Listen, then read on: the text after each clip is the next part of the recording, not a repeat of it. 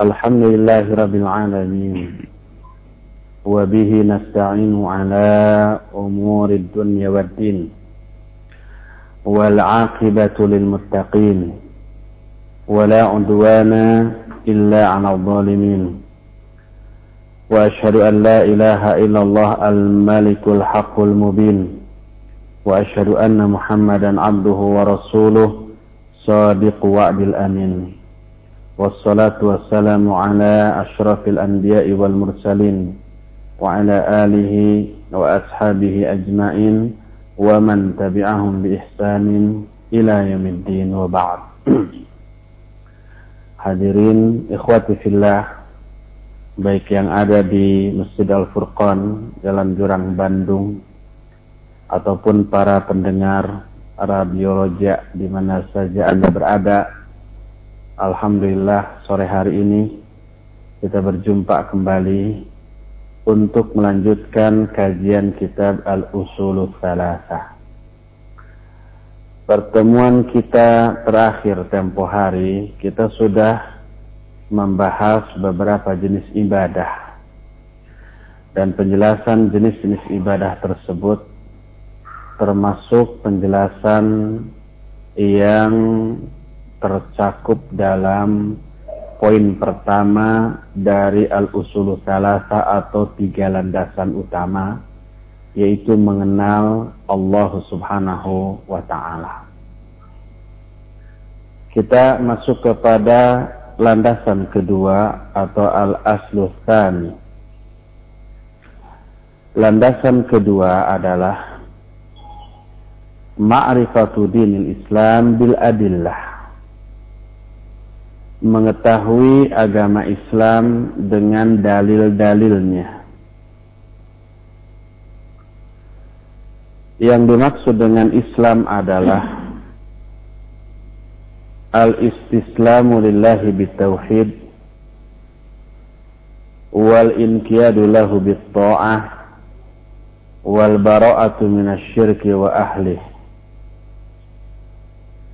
yang dimaksud dengan Islam adalah istislam kepada Allah dengan cara bertauhid. Istislam itu berserah diri, pasrah, sabrah, sumrah kepada Allah dengan cara bertauhid kepadanya. Pasrahnya, tunduknya, sabrahnya dengan cara mengesahkan Allah Subhanahu wa taala dan wal inqiyadu lahu bitta'ah patuh kepadanya dengan melakukan ketaatan wal bara'atu minasyirki wa ahli dan berlepas diri dari syirik dan para pelakunya. Jadi yang dimaksud dengan Islam mencakup tiga poin. Pertama, mentauhidkan Allah dan mentauhidkan Allah termasuk wujud pasrah, sadrah dan sumrah kita kepada Allah Subhanahu wa taala. Kedua tunduk dan patuh kepadanya dengan cara mentaatinya dan yang ketiga berlepas diri dari syirik dan para pelaku syirik. Yang dimaksud syirik di sini syirik dalam bahasa Arab, bukan dalam bahasa Sunda atau Indonesia. Artinya menyekutukan Allah dalam hal ibadah. Sebab ini perlu dijelaskan mayoritas manusia termasuk kaum muslimin memiliki syirik dengan makna lain dalam bahasa Indonesia dengan makna iri atau dengki. Eh, kamu mah sirik. Ah, sirik di sana artinya dengki atau iri. Bukan itu yang dimaksud dalam pembahasan kita. Syirik yang dimaksud di sini adalah menyekutukan Allah. Oleh karena itu wal bara'atu minasyirki wa ahli maknanya adalah berlepas diri dari perbuatan syirik dan para pelakunya. Itulah tiga cakupan yang terkandung di dalam ajaran Islam. Tiga kandungan ini yang pertama al-istislamu lillahi bitauhid. Yaitu berserah diri kepada Allah dengan cara mentauhidkannya. Makna berserah diri, pasrah atau sumrah atau sadrah. Ada dua macam sikap pasrah. Sikap berserah diri. Pertama, pertama pasrah secara dengan makna syar'i Artinya pasrah, berserah diri, tunduk atau patuh kepada syariat. Yaitu dengan cara mentauhidkan Allah dan mengesahkan Allah dalam hal ibadah. Inilah sikap pasrah yang pertama atau yang disebut dengan Islam dengan makna yang pertama. Maknanya adalah pasrah sabrah, sumrah, tunduk dan patuh secara syar'i kepada syariat-syariat Islam. Sikap Islam seperti inilah yang para pelakunya dipuji oleh Allah Subhanahu wa taala. Kepasrahan yang terpuji, kepasrahan yang akan diberi pahala. Kepasrahan yang akan diberi balasan yang baik oleh Allah Subhanahu wa taala. Ini makna Islam yang pertama. Kedua, ada lagi makna Islam dengan makna al-istislamul qadari. Yaitu pasrah atau tunduk atau patuh dengan makna qadari. Qadari itu takdir, ketetapan. Pasrah kepada takdir Allah subhanahu wa ta'ala. Pasrah kepada seluruh ketetapan dan ketentuan yang Allah berlakukan di alam ini. Nah, kepasrahan atau ketundukan seperti ini tidaklah terpuji, tidaklah dipahalai, dan tidak akan dibalas. Baik kepasrahan kepada ketetapan Allah itu yang baik ataupun yang buruk, tidak dipahalai dan tidak dianggap berdosa. Karena semua manusia mau tidak mau akan mengalaminya. Mengalami apa yang Allah takdirkan. Apa yang Allah tetapkan. Sebagai contoh umpamanya Allah mentakdirkan seseorang memperoleh rizki atau memperoleh musibah. Itu pasti terjadi. Karena ketetapan Allah adalah sesuatu yang pasti berlaku atas seluruh makhluknya. Oleh karena itu, Orang yang mengalami suatu takdir Allah, dia tidak dipahalai atau juga tidak dianggap berdosa. Kedua, contoh lain adalah kepasrahan, ketundukan seseorang kepada ketetapan Allah yang kaunia, yang Allah berlakukan di alam ini. Seperti umpamanya siapa yang makan, dia kenyang. Siapa yang tidak makan, dia akan lapar. Seluruh makhluk akan tunduk dan patuh kepada aturan dan ketetapan seperti ini. Siapa umpamanya yang tidak tidur berhari-hari, dia akan ngantuk dan kelelahan. Siapa pun orangnya pasti akan terjadi. Baik ini yang soleh ataupun yang poleh. Poleh lawan dari soleh.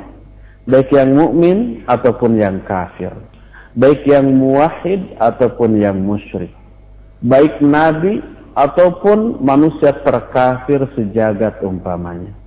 Kalau kedua-duanya tidak makan, kedua-duanya akan lapar. Kalau kedua-duanya makan, kedua-duanya akan kenyang. Semuanya tunduk kepada masalah ini. Baik manusia, jin, ataupun binatang. Semuanya akan patuh kepada ketetapan Allah seperti ini. Kepatuhan ini disebut Islam Qadari. Allah berfirman dalam surah Ali Imran ayat 83, "Walahu aslama man fis samawati wal ardi tauhan wa karhan wa ilaihi yurja'un." Dan telah Islamlah kepada Allah semua yang ada di langit dan semua yang ada di bumi baik sukarela ataupun terpaksa dan hanya kepadanya lah semua makhluk itu akan dikembalikan. Yang dimaksud telah Islam kepada Allah semua yang ada di langit dan yang ada di bumi, maksudnya semuanya telah tunduk kepada aturan Allah. Aturan yang mana? Aturan yang Allah berlakukan di alam ini. Kalau ada orang atau benda dilempar ke atas, pasti akan jatuh lagi ke bawah karena Allah menetapkan adanya gravitasi bumi umpamanya. Kalau ada seseorang dilukai oleh senjata, dia akan berdarah dan akan merasa kesakitan. Kalau ada seseorang berhari-hari tidak makan, dia akan kelaparan. Itu ketetapan Allah. Dan ketetapan Allah ini pasti ditaati, dipatuhi oleh seluruh makhluk tanpa kecuali, baik di langit ataupun di bumi. Oleh karena itu orang kafir tubuhnya Islam. Fisiknya jasadnya Islam. Karena fisiknya jasadnya tunduk dan patuh ke kepada ketetapan Allah. Kalau tubuh orang kafir itu makan, bergizi, teratur, dia akan sehat. Kalau tidak makan, atau makan tidak teratur, atau makannya tidak bergizi, dia akan sakit itu akan berlaku baik bagi orang kafir ataupun orang mukmin. Tunduk orang kafir pun fisiknya, tubuhnya kepada ketetapan Allah. Fisik kita tunduk kepada ketetapan Allah yang kauni, yang berlaku di alam. Adapun sihis kita, jiwa kita, roh kita tunduknya harus kepada syariat Allah Subhanahu wa taala tunduknya kita kepada syariat itu disebut Islam syar'i, tunduknya tubuh dan fisik kita kepada aturan Allah yang kauni disebut Islam qadari. Oleh karena itu yang dimaksud dengan surah Ali Imran 83, walahu aslama man fis samawati wal ardi tauhan wa karha dan telah Islamlah, telah tunduklah kepada Allah. Semua yang ada di langit dan semua yang ada di bumi, baik sukarela ataupun terpaksa, ketundukan, keislaman dalam ayat itu maksudnya adalah tunduk dan Islam al-Qadari. Ketundukan kepada ketetapan Allah atau takdir Allah subhanahu wa ta'ala. Inilah unsur atau cakupan pertama dari agama Islam yaitu al-istislamu lillahi bitauhid berserah diri kepada Allah dengan cara mentauhidkan. Kedua, wal inqiyadu lahu bitta'ah. Makna atau cakupan kedua dari ajaran Islam adalah tunduk kepadanya dengan cara mentaatinya yaitu dengan cara melaksanakan semua perintah dan menjauhi semua larangannya. Karena taat, tunduk dan patuh kepada Allah Subhanahu wa taala maknanya adalah taat kepada perintahnya dengan cara mengerjakan semua perintah itu Adapun mentaati larangan Allah maknanya adalah menjauhi larangan Allah itu. Jadi baik dalam hal perintah ataupun larangan wajib kita taat. Ketaatan itu wujud ketundukan kita kepada Allah Subhanahu wa taala. Kepada perintah Allah wajib taat, kepada larangan Allah wajib taat. Cuma aplikasi taatnya beda. Kalau perintah diaplikasikan dalam bentuk melaksanakan. Kalau larangan, ketaatan kita kepada larangan Allah diwujudkan dalam bentuk menjauhi larangan tersebut. Ini poin yang kedua. Pada surat itu. Ketiga, wal bara'atu minasyirki wa ahli. Unsur ketiga dari ajaran Islam adalah berlepas diri dari sikap syirik dan pelaku-pelaku syirik.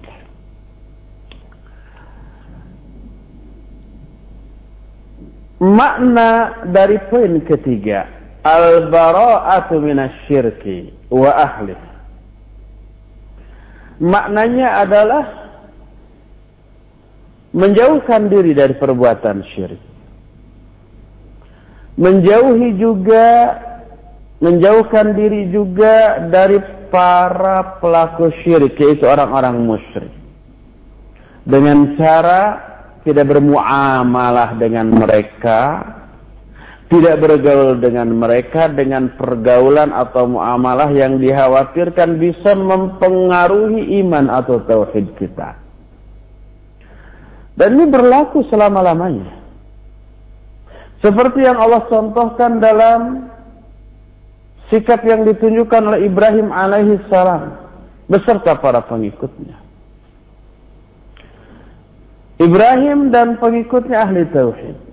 Sementara musuh besarnya, Raja Namrud waktu itu, adalah orang-orang musyrik.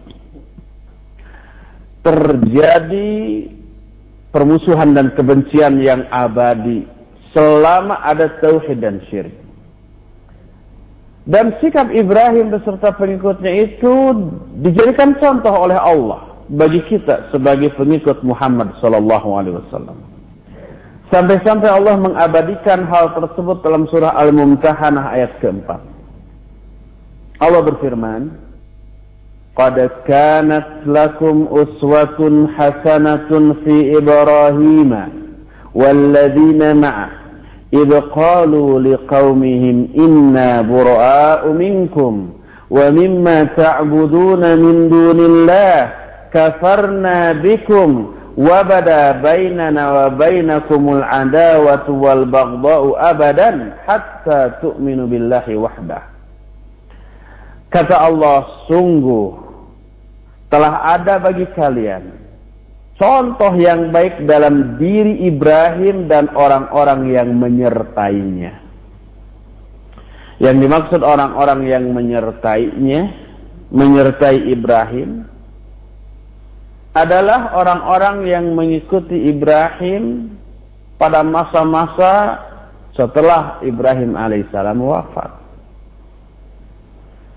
Kemudian mereka mengikuti sikap dan jejak langkah Ibrahim alaihissalam. Termasuk Nabi Muhammad sallallahu alaihi wasallam pengikut Ibrahim alaihissalam dalam hal tauhid. Termasuk kita. Allah menyatakan sungguh telah ada bagi kalian contoh yang baik pada diri Ibrahim dan orang-orang yang menyertainya ketika mereka berkata kepada kaumnya inna bura'u minkum wa mimma ta'buduna min dunillah sesungguhnya kami semua berlepas diri dari kalian dan dari apa-apa yang kalian sembah selain Allah kafarna bikum kami kufur ingkar kepada kalian dan telah nampak permusuhan dan kebencian antara kami dan kalian selama-lamanya sampai kalian hanya beriman kepada Allah semata-mata. Jadi kebencian dan permusuhan ini abadi sampai mereka ibadah hanya kepada Allah. Kalau umpamanya mereka sudah taubat dari syiriknya, menjadi ahli tauhid, hilang permusuhan dan kebencian. Selama ada syirik dan tauhid, maka ada tetap muncul kebencian dan permusuhan. Itu terus terjadi sampai hari kiamat. Itulah tiga cakupan kandungan dari ajaran Islam. Pertama, tunduk atau pasrah kepada Allah dengan cara mentauhidkannya. Kedua, tunduk dan patuh dengan cara mentaatinya. Dan yang ketiga adalah berlepas diri dari syirik dan para pengikutnya, para pelakunya. Berkata muallif selanjutnya. Wa huwa salasu maratib Adapun agama ini ada tiga tingkatan. Al-Islam wal iman wal ihsan. Tiga tingkatan dari agama ini adalah pertama Islam. Tingkatan terendah dalam agama. Yang dimaksud terendah bukan berarti nilainya rendah, bukan. Tinggi nilainya. Yang kedua iman. Dan yang terakhir yang tertinggi adalah ihsan. Wa kullu martabatin laharkan. Setiap tingkatan dari agama ini masing-masing memiliki rukun-rukunnya. Islam ada rukunnya lima ya, nanti akan kita bahas. Iman ada rukunnya enam ya, nanti akan kita bahas. Dalil dari ayat dan hadis. Ihsan juga ada rukunnya. Ada berapa rukun ihsan? Dua. Nanti juga ada penjelasannya. Inilah tiga tingkatan agama. Islam, iman, dan ihsan. Islam pelakunya disebut muslim. Iman pelakunya disebut mukmin. Ihsan pelakunya disebut muhsin. Setiap yang muhsin pasti mukmin dan muslim. Setiap yang mukmin pasti muslim tapi belum tentu muhsin. Tapi tidak setiap yang muslim otomatis mukmin apalagi muhsin belum tentu. Sebab Islam adalah tingkatan terendah. Yang lebih tinggi daripada Islam adalah iman, lebih tinggi dan tertinggi adalah ihsan. Adapun dalil tentang adanya tiga tingkatan agama ini dari mana mu'alif atau pengarang kitab ini? Menetapkan bahwa agama ini ada tiga tingkatan. Tingkatan pertama Islam, kedua iman, ketiga ihsan. Dalilnya banyak. Salah satunya adalah sebuah hadis yang diterima dari Amirul Mukminin Umar bin Khattab radhiyallahu anhu.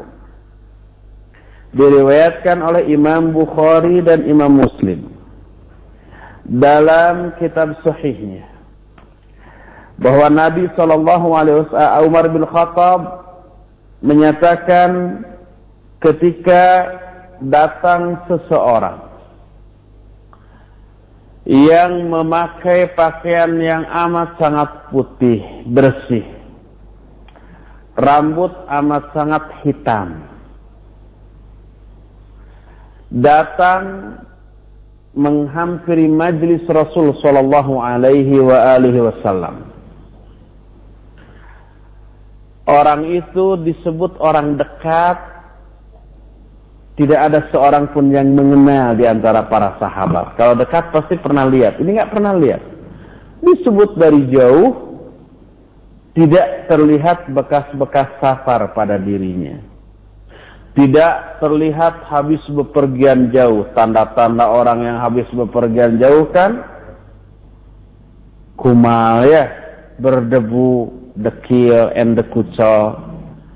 Kemudian berkeringat, lusuh dan seterusnya. Ini fresh, seger, tidak kelihatan bekas-bekas bepergian jauh. Tapi anehnya orang ini bersikap akrab kepada Nabi Shallallahu Alaihi Wasallam.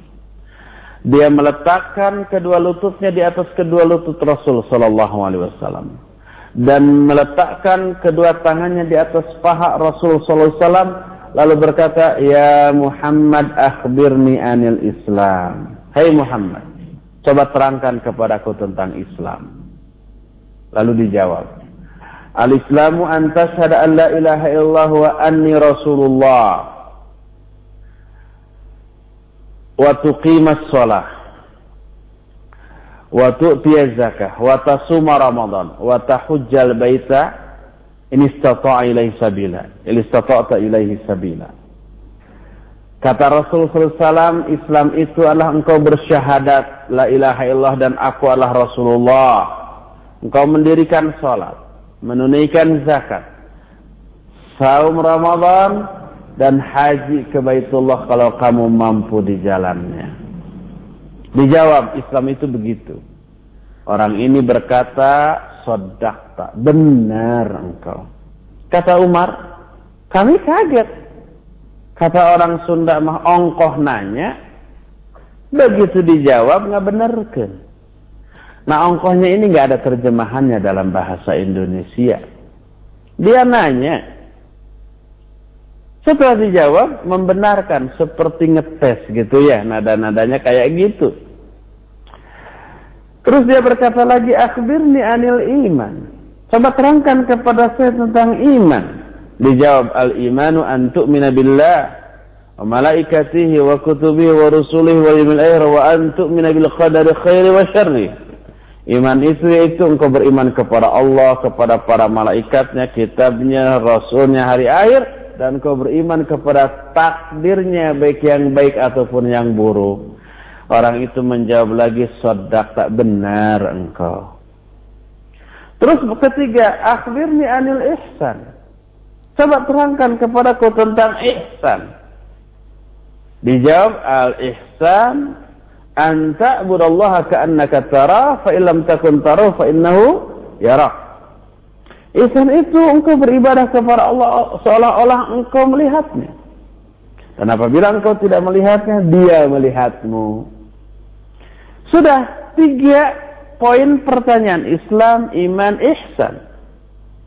Setelah itu Jibril uh, orang tadi berkata, "Akhbirni anissa." Coba jelaskan kepadaku tentang kiamat. Nabi SAW menjawab, mal mas'ulu anha bi'a'lama minas sa'il. Orang yang ditanya tidak lebih tahu daripada yang bertanya. Jadi sama-sama nggak tahunya. Si penanya nggak tahu, yang ditanya yaitu Nabi Muhammad SAW juga tidak tahu. Kalau begitu, kabarkan kepadaku tentang tanda-tandanya. Lalu kabarkan. Setelah beres, ngaleos sejelema ieu teh. Ngaleos itu artinya apa? Pergi. Begitu saja.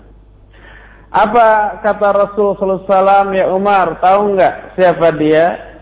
Kata Umar Allah dan Rasulnya lebih tahu. Kata beliau hadza Jibril atakum yu'allima liyu'allimakum dinakum. Ini adalah Jibril yang baru sampai.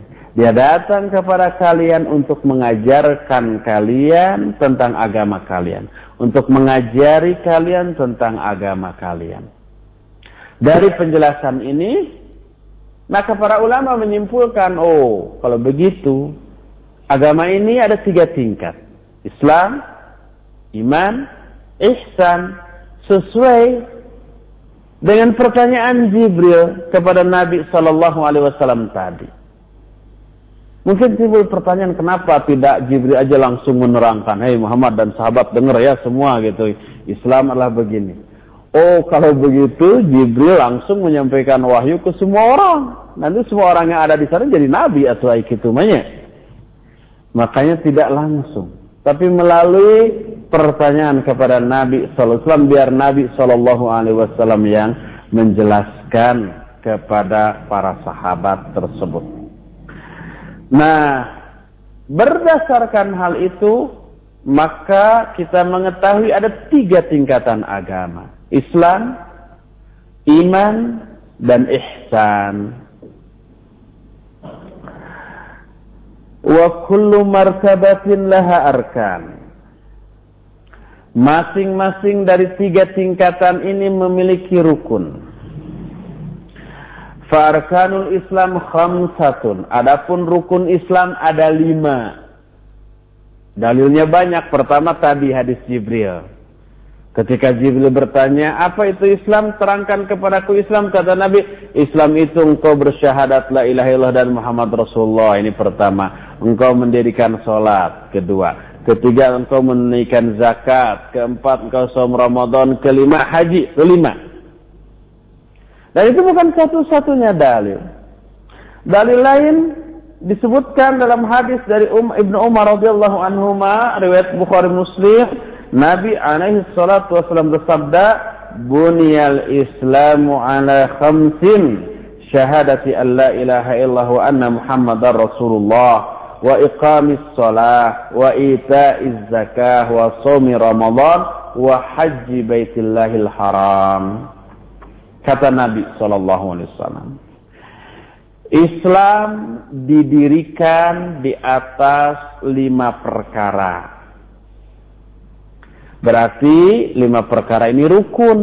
Sebab rukun itu rukun dalam bahasa Arab ya, bukan dalam bahasa Indonesia. Bukan rukun akur, bukan. Tadi diterangkan rukun dalam bahasa Arab adalah ma bunia alaihi ghairuh. Sesuatu yang bagian-bagian lainnya dibangun di atas sesuatu itu. Bahasa kita nama fondasinya asas, fondamen, atau dasar, landasan. Dengan kata lain itu rukun. Bunyal Islami, bunyal Islamu ala khamsin. Islam didirikan di atas lima hal. Pertama syahadat la ilaha illallah dan Muhammad Rasulullah. Kedua iqamis sholat, mendirikan sholat. Ketiga menunaikan zakat. Keempat saum Ramadan dan kelima haji haji Baitullahil Haram melakukan ibadah haji ke Baitullahil Haram ke Ka'bah yang terletak di Mekah Al-Mukarramah. Adapun dalil syahadat. Syahadat itu salah satu rukun dari ajaran Islam bahkan rukun teragung dibanding rukun-rukun lainnya. Makanya yang pertama. Dalil syahadat banyak dalam ayat ataupun hadis. Di antaranya, lihat surah Ali Imran 18, surah ketiga.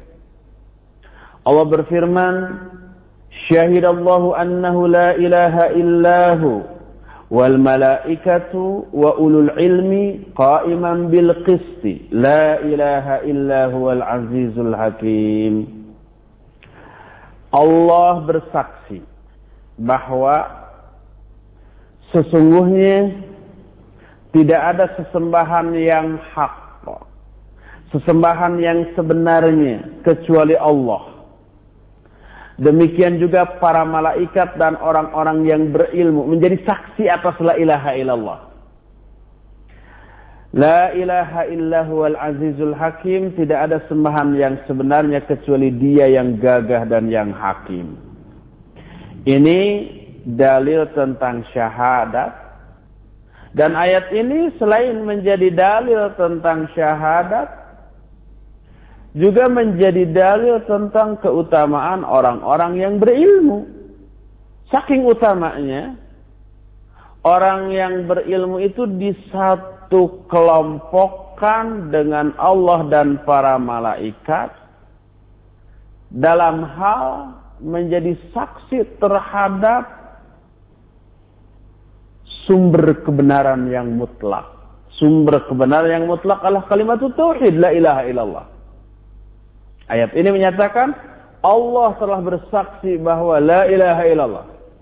Juga para malaikat dan orang-orang yang berilmu. Ayat ini menyatakan yang menjadi saksi atas la ilaha illallah tiga. Pertama Allah, kedua para malaikat, ketiga orang-orang yang berilmu. Bukan wa ulul mal, bukan. Pemilik harta, pemilik kekuasaan, pemilik popularitas, pemilik hal-hal yang sifatnya duniawi lainnya bukan, tapi pemilik ilmu. Dan ini menunjukkan keutamaan orang-orang yang berilmu sehingga mereka disatu kelompokkan dengan Allah dan para malaikat dalam hal menjadi saksi atas la ilaha illallah. Makna syahadat la ilaha illallah dan Muhammad Rasulullah dianggap sebagai salah satu rukun. Dua-duanya sekaligus. La ilaha illallah Muhammad Rasulullah.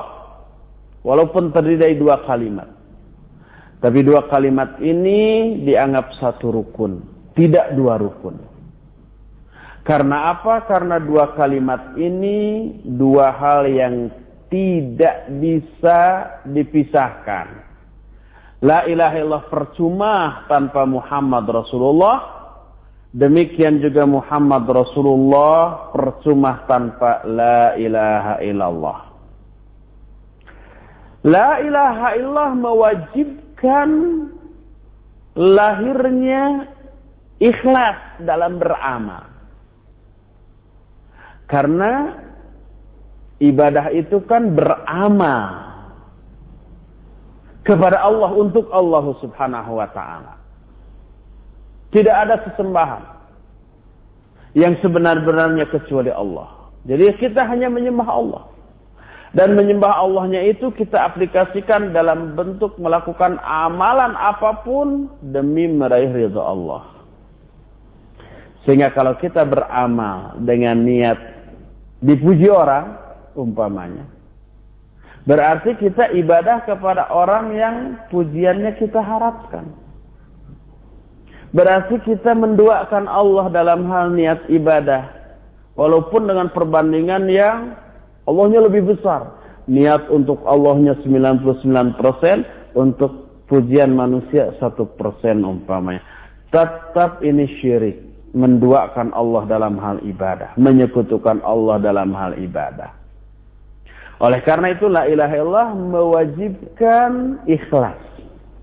Murni hanya untuk Allah. Menyembah hanya kepada Allah. Ibadah hanya kepada Allah. La ilaha illallah. Kalau ibadah kita niatkan untuk selain Allah, ah bukan la ilaha illallah lagi namanya. Kalau tidak ikhlas, menyimpan dia dari la ilaha illallah. Adapun Muhammad Rasulullah, kalimat kedua ini mewajibkan adanya sikap mutaba'ah. Mutaba'ah itu mengikuti tuntunan yang diajarkan oleh Rasul SAW dalam hal ibadah kepada Allah ibadah kepada Allah jangan ngarang-ngorong sendiri. Jangan membuat konsep sendiri. Sebab ibadah kepada Allah itu sudah ditetapkan secara baku cara-caranya oleh Allah melalui Rasulnya Sallallahu Alaihi Wasallam. Oleh karena itu persaksian Muhammad adalah Rasulullah melahirkan kewajiban mutaba'ah kepada Rasul SAW. Mengikuti Rasul SAW dalam hal ibadah kepada Allah. Tanpa dua hal ini ibadah apa pun tidak diterima. Tanpa ikhlas, tanpa mutaba'ah. Ikhlas artinya meniatkan ibadah hanya untuk meraih ridha Allah dan mutaba'ah artinya melaksanakan ibadah kepada Allah hanya dengan mengikuti cara ibadah Rasul Shallallahu Alaihi wa Wasallam. Baru kalau dua poin ini terpenuhi dalam amal kita, amal kita makbul. Ya ikhlas, ya mutaba'ah.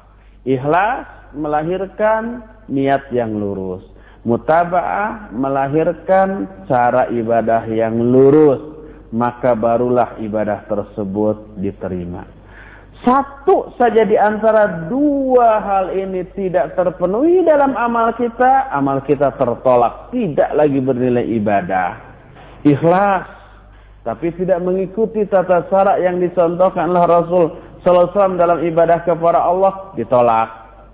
Man amila amalan laisa alaihi amruna fahuwa mardud eh, fahuwa raddun ay mardudun. Barang siapa orang yang mengamalkan satu amalan yang tidak ada contohnya dari aku, maka itu tertolak. Tidak akan diterima. Sebaliknya, mengikuti sunnah Rasul SAW. Cara-caranya luar biasa sempurna, persis seperti yang diterangkan oleh Nabi SAW. Tapi niatnya ria, niatnya ingin dipuji, niatnya ingin disanjung, niatnya ingin menjadi orang beken bekas kenek populer. Maka itu pun tertolak alias tidak akan diterima.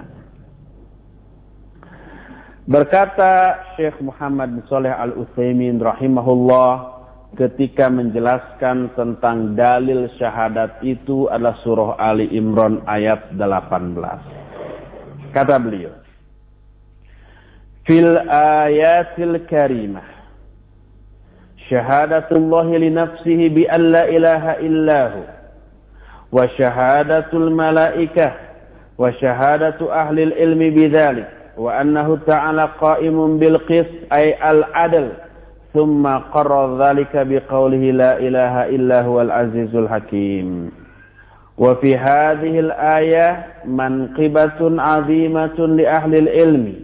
حيث أخبر أنهم شهداء معه ومع الملائكة والمراد بهم أولو العلم بشريعته ويدخل فيهم دخولا أولياء رسله الكرام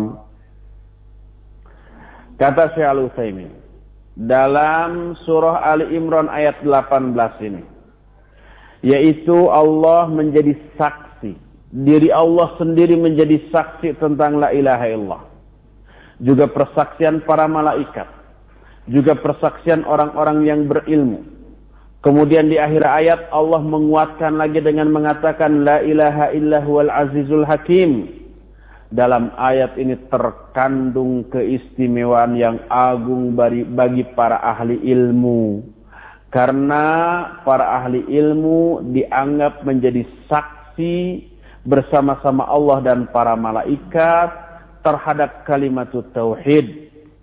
Yang dimaksud orang-orang yang berilmu di sini bukan ilmu tentang sains, bukan ilmu tentang teknologi, bukan ilmu tentang hal-hal yang sifatnya duniawi, tapi ilmu tentang syariat Allah, ilmu tentang Allah, ilmu tentang nama-namanya, sifat-sifatnya dan zat Allah, ilmu tentang syariat yang Allah wahyukan kepada Rasulnya. Ilmu tentang hal itu yang dimaksud di dalam ayat ini. Syahadah ini, syahadah itu artinya persaksian, merupakan seagung-agung persaksian terhadap seagung-agung objek yang disaksikan. Yang bersaksinya tiga pihak yang luar biasa istimewanya. Tiga pihak itu pertama Allah itu nggak perlu dijelaskan lagi keistimewaannya. Allah itu a'zamu syai, akbaru syai, akdaru syai dan seterusnya. Kedua para malaikat dan ketiga orang-orang berilmu. Tiga-tiganya istimewa. Materi yang disaksikan juga seagung-agung sesuatu yaitu la ilaha illallah. Tauhidullah. Tidak ada sesembahan yang lainnya selain Allah subhanahu wa ta'ala. Oleh karena itu ayat ini disebut a'zamus syahadah li azmi syahidi wal mashhudi bihi. Seagung-agung persaksian karena agungnya pihak yang bersaksi dan materi yang disaksikan. Berkata muallif selanjutnya, wa ma'naha La ma'buda bihaqqin illallah. La ilaha nafiyan jami'an ma yu'badu min dunillah. Illallah musbitan al-ibadata lillahi wahdahu la syarikalah fi ibadatihi kama annahu la syarika lahu fi mulkihi. Adapun makna la ilaha illallah. Artinya adalah tidak ada sesembahan yang sebenarnya kecuali Allah. La ilah menafikan, menafikan itu meniadakan, menolak atau mengingkari itu makna nafi. Jadi kalau antum ikhwan akhwat baik yang ada di Al-Furqan ini ataupun para pendengar radio roja di mana pun berada. Mendengar ada ustadz menyatakan kata-kata nafi, maksud nafi itu meniadakan, menolak atau mengingkari. La ilaha menafikan, meniadakan atau menolak semua yang disembah selain Allah. Dan yang dinafikan bukan menafikan realita. tapi menafikan keabsahan penyembahan itu. Kalau realitanya nggak mungkin dinafikan ya, nggak mungkin ditiadakan, nggak mungkin diingkari. Karena apa? Karena realitanya ada, real nyata ada yang disembah selain Allah. Patung disembah, matahari, bulan, bintang disembah, Nabi Isa disembah, bahkan Nabi Muhammad SAW pun ada yang menyembah. Realitanya itu ada, real nyata. Oleh karena itu, yang dinafikan oleh la ilaha bukan menafikan realita, tapi menafikan keabsahan dari penyembahan itu. Tidak sah. Tidak benar. Tidak hak alias batil. Illallah disebut isbat. Isbat itu menetapkan. Menetapkan ibadah hanya satu-satunya kepada Allah. Yang tidak ada syarikat, tidak ada sekutu bagi Allah dalam hal peribadatan, Sebagaimana Allah pun tidak ada sekutu dalam hal kekuasaan, kerajaan. Ada enggak sekutu, partner bagi Allah dalam mengatur kekuasaan dan kerajaan alam jagat raya ini? Enggak ada. Hanya Allah satu-satunya. Penciptanya Allah sendiri, yang ngaturnya juga Allah Subhanahu wa taala sendiri, yang mengelolanya juga begitu. Tabarakalladzi biadihil mulku wa huwa ala kulli syai'in qadir. Maha barakah Allah yang di dalam genggaman tangannya lah kerajaan langit dan bumi. Biadihil mulku. Di tangannya lah al-mulku, kerajaan langit dan bumi. Allah sendirian yang mengurusnya. Tidak ada tandingan, tidak ada sekutu, tidak ada kawan, tidak ada partner dalam hal itu. Karena itulah karena Allah tidak ada sekutu dalam hal kekuasaan, Allah pun tidak boleh disekutukan dalam hal ibadah. Berkata Syekh Muhammad bin Saleh Al-Utsaimin, "Qauluhu wa ma'naha ay makna la ilaha illallah. La ma'buda bihaqqin illallah." فشهادة أن لا إله إلا الله أن يعترف الإنسان بلسانه وقلبه bi'annahu la ma'budah haqqun illallah azza wa jalla. Li'annahu ilaha bima'na ma'luh. Wa ta'alluh at-ta'ambud wa jumlatu la ilaha illallah mustamilatun ala nafyin wa isbat. Amma nafyu fahuwa la ilaha. Wa amma isbat fahuwa illallah. Kata Syekh Al-Utsaimin maknanya. Yang dimaksud ucapan mualif maknanya adalah makna la ilaha illallah. Adalah tidak ada sembahan yang sebenarnya kecuali Allah. Maka persaksian tidak ada sesembahan yang sebenarnya kecuali Allah.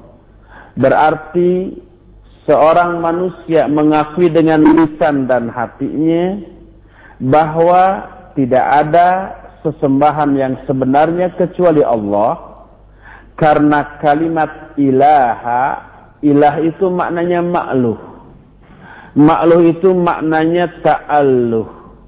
Ta'alluh itu maknanya ta'abud, artinya menyembah. Dan jumlah la ilaha illallah mencakup dua rukun. Ini dari sini kita ketahui la ilaha illallah itu mengandung dua rukun. Rukun pertama nafi, diambil dari kata la ilaha. Rukun kedua isbat diambil dari illallah. Inilah dua rukun la ilaha illallah, nafi dan isbat. Dua-duanya wajib ada. Adapun lafaz Allah dalam ayat dalam kalimat la ilaha illallah merupakan badal dari khobar la. Nah, ini sedikit kajian dari segi nahu, dari segi tata bahasa, dari segi gramatika.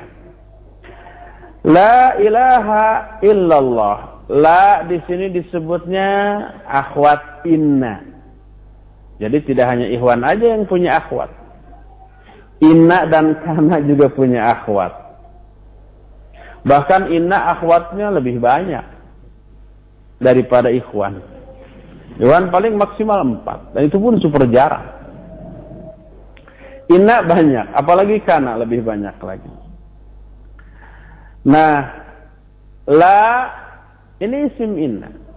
Tansibul isma wa tarfa'ul khabar.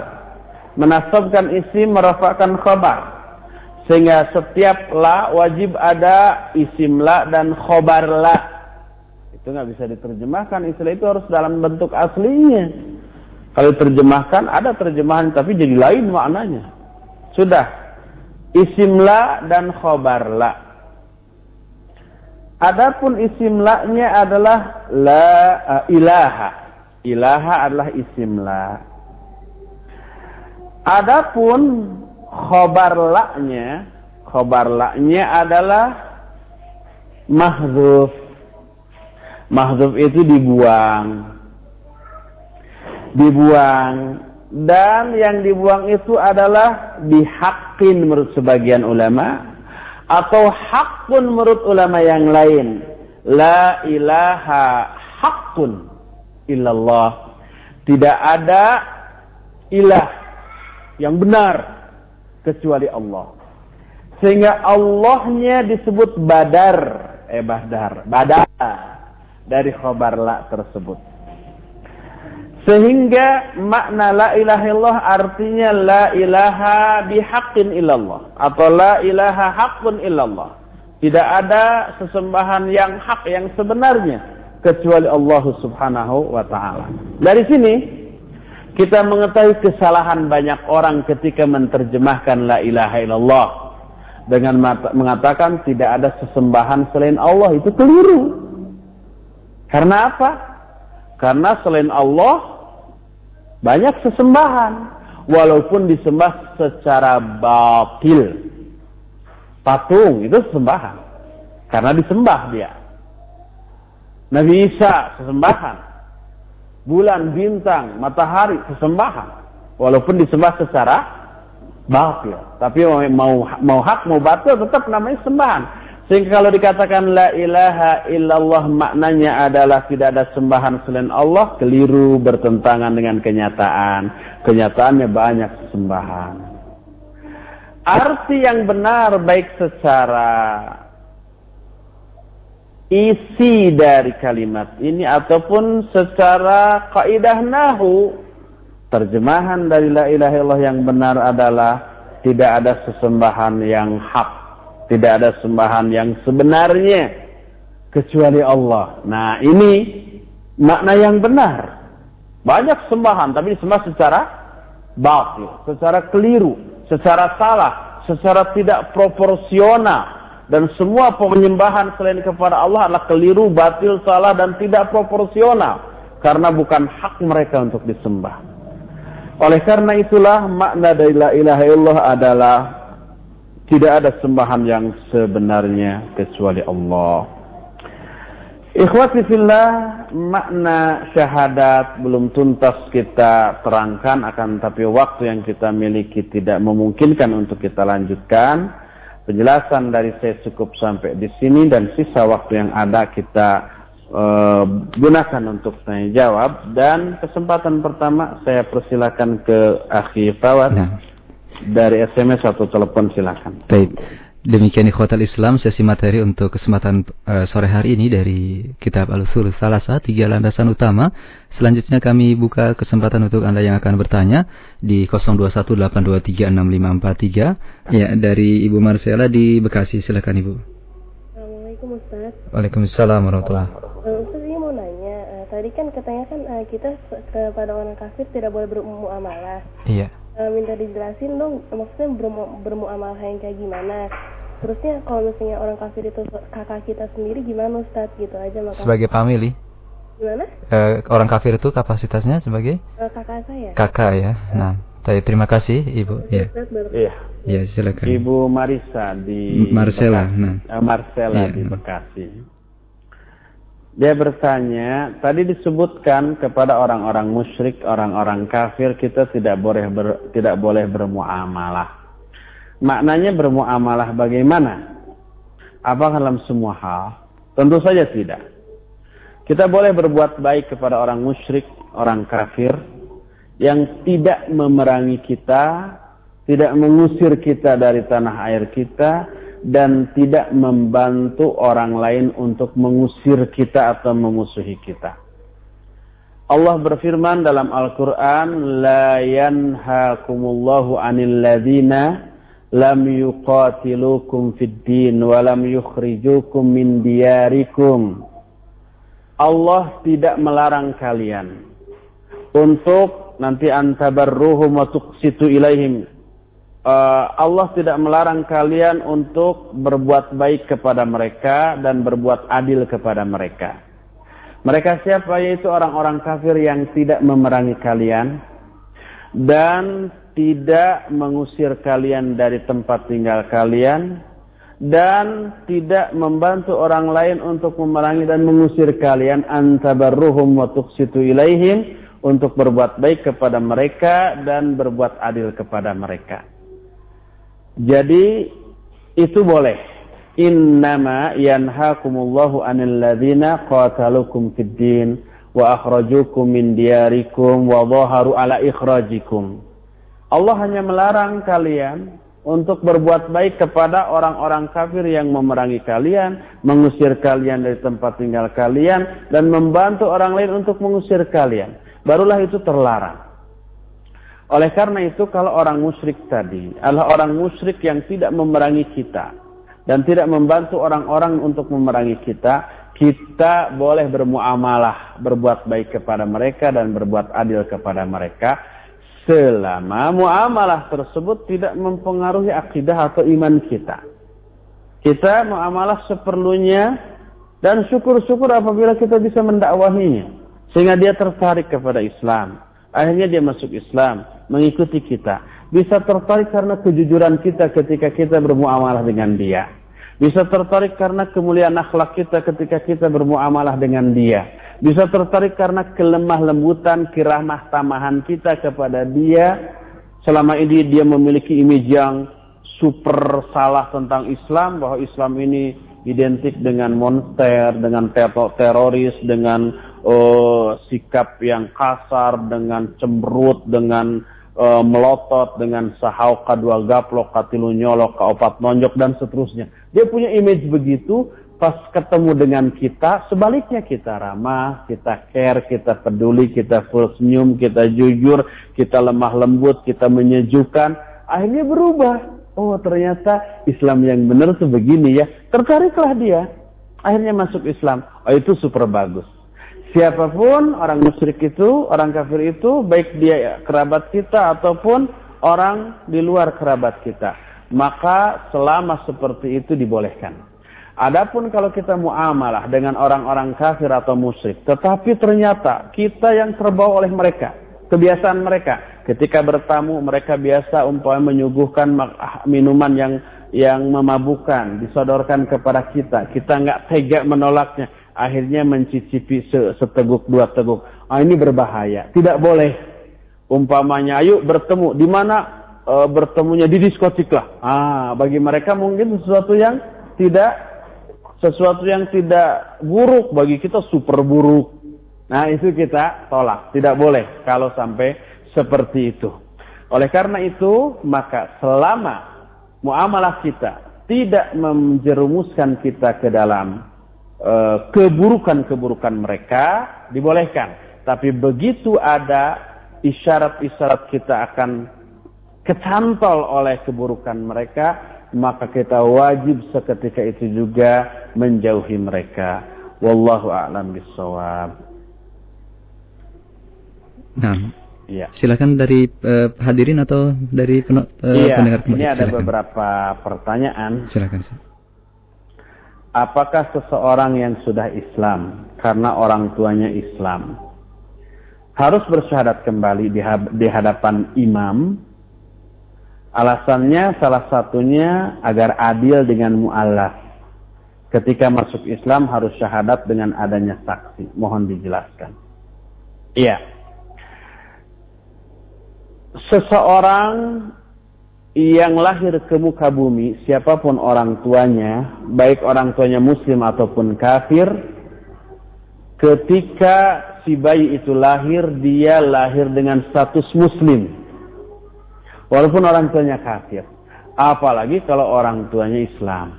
Berdasarkan sebuah hadis sahih riwayat Imam Al-Bukhari yang menyatakan ma min mauludin illa yuladu alal fitrah. Fa'abawahu yuhawidanihi au yunassiranihi au yumajjisani.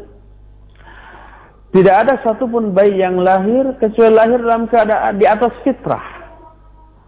Kata Abu Hurairah yang meriwayatkan hadis ini, atadruna mal fitrah. Tahu nggak kalian apakah fitrah itu? Dia kemudian melanjutkan jawabannya, fitrah itu adalah Islam sebagaimana firman Allah dalam surah Ar-Rum ayat ke-30 menyatakan faqim wajhaka lid-dini hanifah fitratullahi allati nasa 'alaiha. Hadapkan wajahmu kepada agama yang lurus yaitu Islam. Islam itulah fitrah Allah yang Allah telah menciptakan seluruh manusia di atas fitrah itu. Karena semua manusia diciptakan di atas fitrah, maka begitu lahir dia sudah berada di atas fitrah. Yang dimaksud fitrah di sini adalah Islam. Oleh karena itu, ketika Nabi SAW bermimpi dalam hadis riwayat Bukhari Muslim dari Al-Bara bin Azib, salah satu mimpinya Nabi dibawa oleh malaikat Jibril dan Mikail ke sebuah tempat. Di sana ada sebuah pohon. Di bawah pohon rindang itu ada seorang syekh kakek-kakek dikelilingi oleh anak-anak muda. Lalu di akhir hadis ini dikemukakan kakek-kakek itu Ibrahim, dan anak-anak muda itu adalah min auladil muslimin, anak-anak kaum muslimin yang mati ketika kecil. Mereka itu akan berada di taman-taman surga. Lalu seorang sahabat bertanya, "Wa auladil musyrikin ya Rasulullah? Apakah juga anak-anak orang musyrik ya Rasulullah?" Kata beliau, "Iya, wa auladil musyrikin." Termasuk anak-anak orang musyrik yang mati ketika kecil. Ketika sebelum balik mereka mati. Karena apa? Mereka mati di atas fitrah. Fitrah itu adalah Islam. Oleh karena sejak lahir sudah Islam, sudah gede nggak perlu lagi diislamkan lagi. Kecuali kalau anaknya orang Yahudi, anaknya orang Nasrani atau Majusi, setelah gede mereka dibaptis ya. Kalau bapaknya Nasrani dibaptis, kalau bapaknya Yahudi diyahudikan, kalau kalau Majusi dimajusikan, sudah murtad lagi tuh. Tapi kalau tidak dinasranikan, tidak diyahudikan, tidak dimajusikan, tetaplah dia dalam keislamannya. Kalau tetap dalam keislaman, nggak perlu disyahadatkan lagi. Oleh karena itu tidak didapati keterangan Nabi SAW mensyahadatkan Hasan dan Husain cucunya setelah mereka besar. Enggak. Para sahabat setelah punya anak, kemudian anaknya gede, gede, gede, dewasa, enggak disyahadatkan. Enggak. Karena apa? Karena sudah Islam sejak kecilnya. Oleh karena itu, maka mensyahadatkan anak-anak orang Islam setelah mereka balik, apalagi dengan niat, dengan motivasi syahadat untuk masuk Islam, berarti menganggap sebelum syahadat adalah kafir. Konsekuensinya, mereka akan menuduh kafir kepada semua orang yang tidak syahadat lagi. Nah inilah bibit-bibit khawarij berasal dari kesalahpahaman terhadap masalah-masalah yang prinsip seperti ini. Oleh karena itu kalau syahadatnya dengan niat masuk Islam, itu keliru besar. Kalau syahadatnya dilakukan bukan dalam rangka masuk Islam, tapi dalam rangka tajdidul iman dengan cara yang tidak dicontohkan oleh Rasul seperti itu, maka itu terjerumus dalam kebidahan. Walhasil apa pun niatnya itu adalah keliru sehingga kita tidak perlu lagi disyahadatkan apalagi di hadapan imam. Imam apa? Imam sholat atau imam namanya memang imam atau imam sebuah pergerakan sempalan tertentu itu sudah sudah menyempal lagi itu. Oleh karena itu jawaban dari si penanya tadi kita tidak perlu lagi mengikrarkan dua kalimat syahadat dengan dua saksi di hadapan imam baik dalam rangka masuk Islam ataupun dalam rangka memperbaharui keimanan kita. Yes, Cukup sampai di sini. Insya Allah kita berjumpa kembali hari Jumat yang akan datang. Subhanakallahum bihamdik asyhadu an la ilaha illa anta astaghfiruka wa atubu ilaik walhamdulillahirabbil alamin. Wassalamualaikum warahmatullahi wabarakatuh.